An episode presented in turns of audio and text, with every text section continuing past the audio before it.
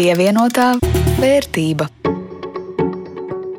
Sveicināti! Studijā Jānis Ramāns un no Latvijas televīzijas Rudīts Pakovska. Laiks raidījumam par norisēm ekonomikā, naudas lietās un finanšu pasaulē. Šodien par naudas procentu likmēm kredītiem. Lai cīnītos ar inflāciju, procentu likmes aug, aizņemties paliek dārgāk un kombinācijā ar vispārēju dzīves dārdzības pieaugumu potenciāli draud cilvēkiem un uzņēmumiem ar finanšu grūtībām. Šodien par to, kā mainās pieprasījums pēc kredītiem un cik zinoši esam par to, kā rīkoties brīdī, kad nonākam grūtībās. Bet vispirms īsi par aktuālo. Pievienotā vērtība. Šoreiz nesāksim ar inflāciju, sāksim ar tarifiem. Kas pārsteidzošā kārtā šoreiz samazinājušies? Nē, neceri.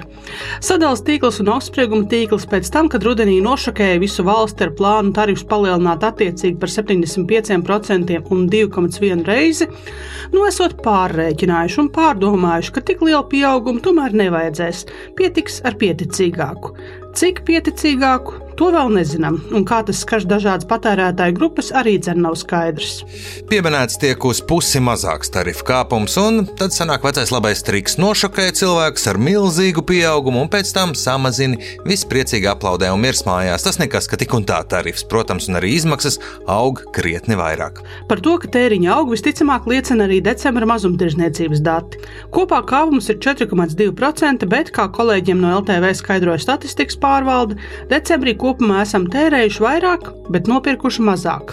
Tātad izdevumi dāvanām pieauga, bet dāvanas bija mazāk un mazākas. Turklāt pieauga arī pārtikas cenas, kas īpaši smagi skar iedzīvotāju daļu ar mazākiem ienākumiem. Turpinot ar statistiķu aplēsēm, pērn esam mazāk tērējuši gāzi, vismaz par 30%.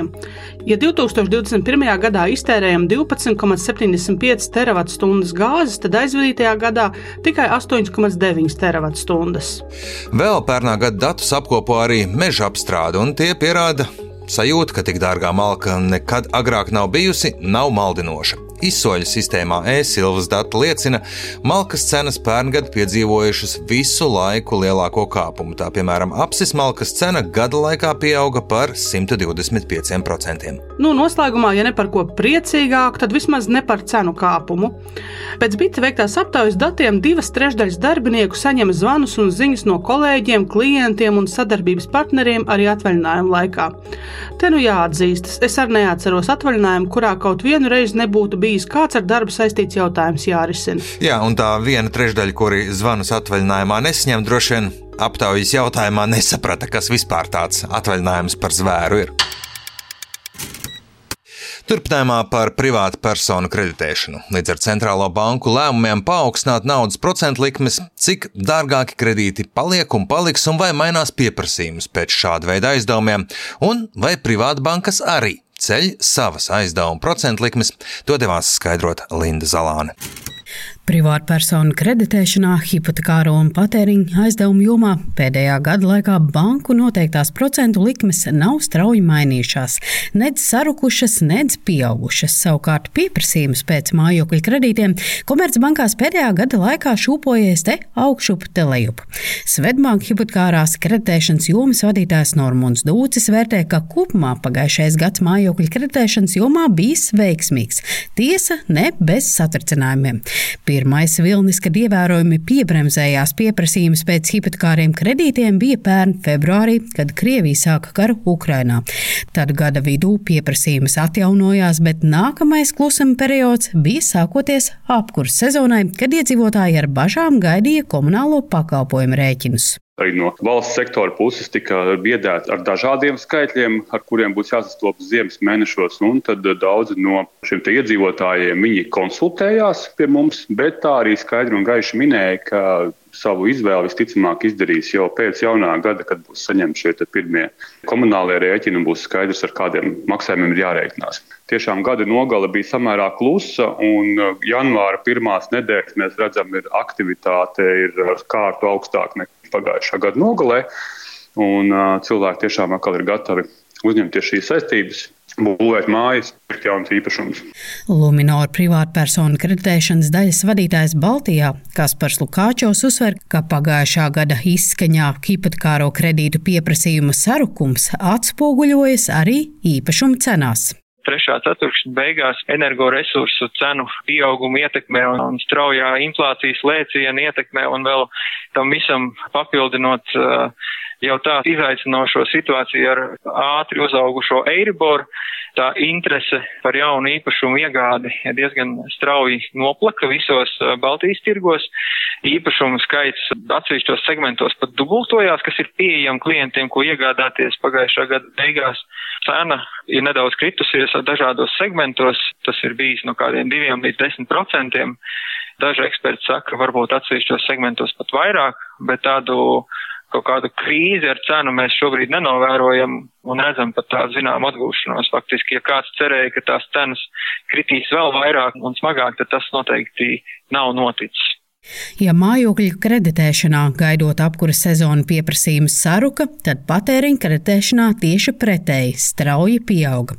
Kaspars Lukačevs stāsta, ka cilvēki aizņēmās lielākas naudas summas, lai mājokļos veiktu energoefektivitātes uzlabojumus. Saules paneļa iegādēja dažādu apkuras iekārtu nomaiņām, logu durvju maiņām un citiem energoefektivitātes tādiem risinājumiem. Tas attiecīgi veicināja šī patēriņa kreditēšanas tirgus tādu diezgan būtisku pieaugumu otrā ceturkšņa laikā un trešā ceturkšņa sākumā.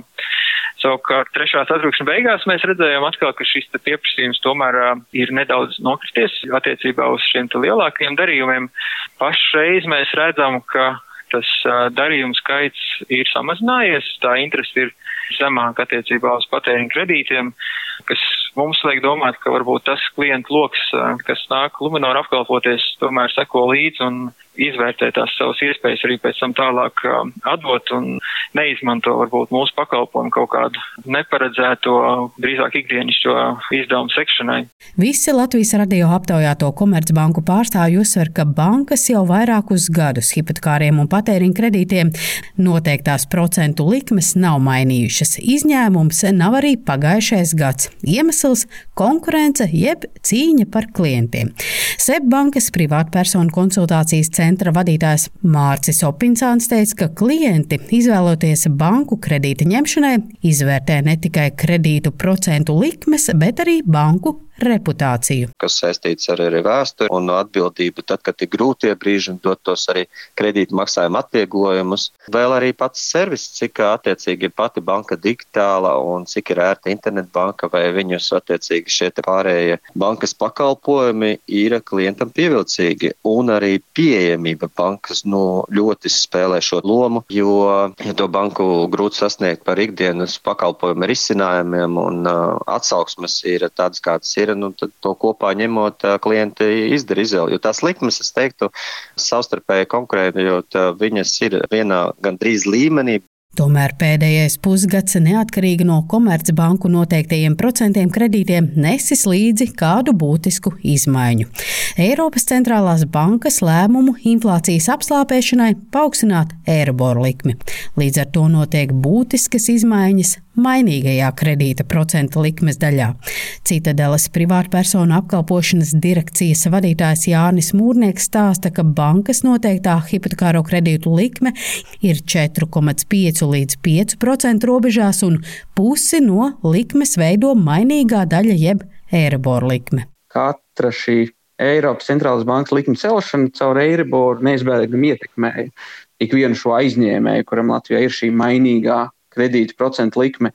Un, principā, no nulles mainīgās procentu likmes daļas pēdējo sešu mēnešu laikā tās izmaiņas ir tādas, ka tiem kredītiem, kuriem ir trīs mēneši eiribors, šī likme ir aptuveni 2,5% robežās un sešu mēnešu eiribors, kuriem ir, ir nedaudz zem 3%.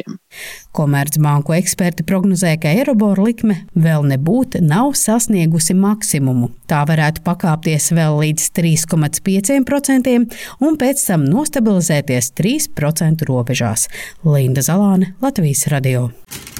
Mēs, sabiedrība, esam gudrāki finanšu lietās, arī turīgāki un mazāk apkrāvušies ar kredītiem nekā 2008. gada krīzē, tāpēc ekonomiskās grūtības pārvarēsim daudz vieglāk. Šādas frāzes pēdējā gada laikā dzirdētas no ekonomistiem, politiķiem un Latvijas centrālās bankas vadības, un savu taisnību tur ir, bet tas nenozīmē, ka cilvēkiem nav grūtības sekt ikdienas izdevumus. Tagad ir labas ziņas Tieslietu ministrijas organizētā diskusijā par to, kā grūtībās nonākušiem orientēties risinājumos, saka Latvijas bankas finanšu pratības daļas vadītāja Aija Brikša.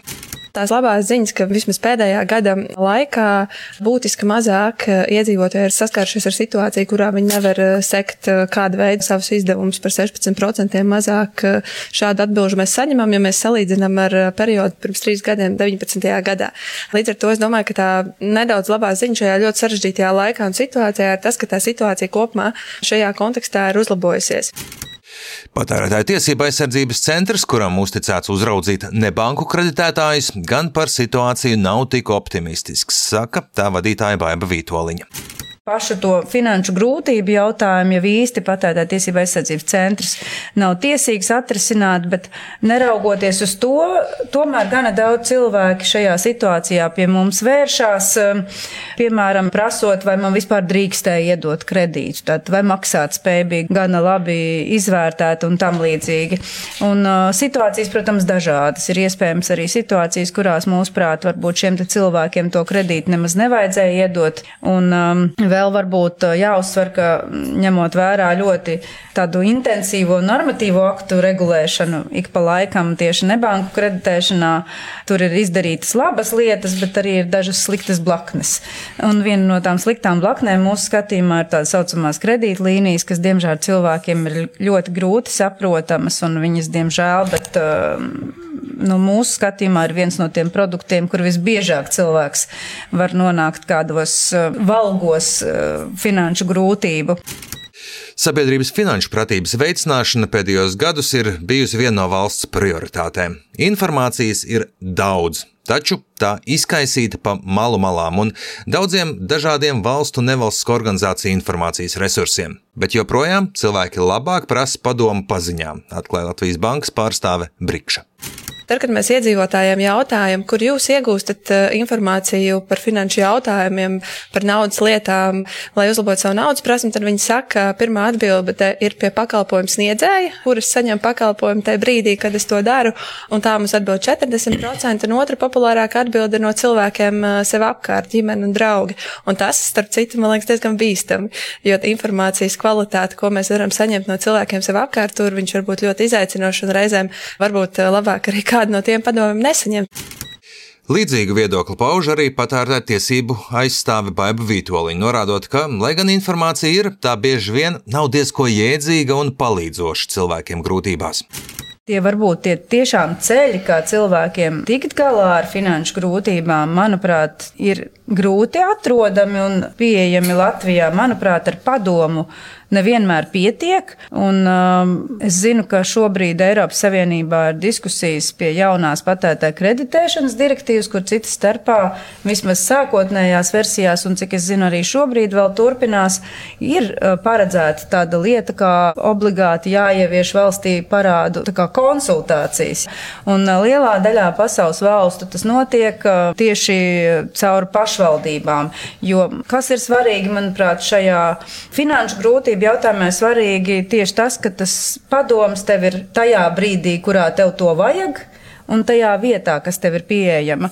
Un, ja mēs runājam tieši par finanšu grūtībās nonākušiem cilvēkiem, es domāju, ka liela daļa no viņiem būtu uzskatāma par tā saucamiem viegli ievainojumiem patērētājiem ar mazākiem ienākumiem. Daudzi no viņiem varētu būt arī ar tādu varbūt mazāku finanšu pratību. Viņi internetā neskatās tās daudzās mājaslapas.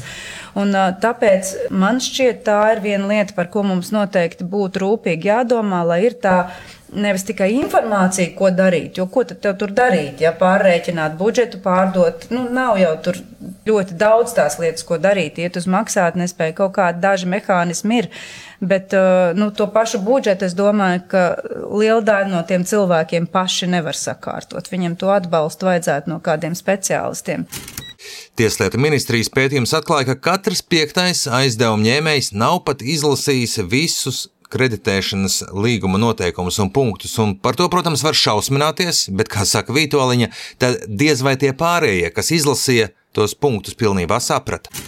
Es domāju, jūs tur varat lasīt, cik gribat. Jūs tik un tā nesapratīsiet visu, kas tur ir pateikts un kādas situācijas var rasties. Manuprāt, tomēr tā ir finanšu pakalpojumu sniedzēja atbildība, lai ir pēc iespējas vienkārši un arī izskaidrot cilvēkam. Un es domāju, izmaiņas varētu nest jaunā, ir tāda direktīva, pieejamības akts. Tur ir viens no pienākumiem ir padarīt šos te tā skaitā līgumus cilvēkiem pieejamus. Ja? Tā kā par to būtu noteikti jādomā, lai tie ir vienkāršāki un saprotamāki cilvēkiem. Līdzīgi kā ar līgumiem, ir arī ar risinājumu problēmām, kā novērojas Latvijas maksātnespējas procesa administratora asociācijas valdes locekle Baiva Broka. Bieži cilvēki ir atraduši kādu vienu, viņuprāt, derīgu risinājumu, bet citus nemaz nav izvērtējuši. Jāsaka tā, praktiski saskaroties, tie gadījumi ir ļoti dažādi.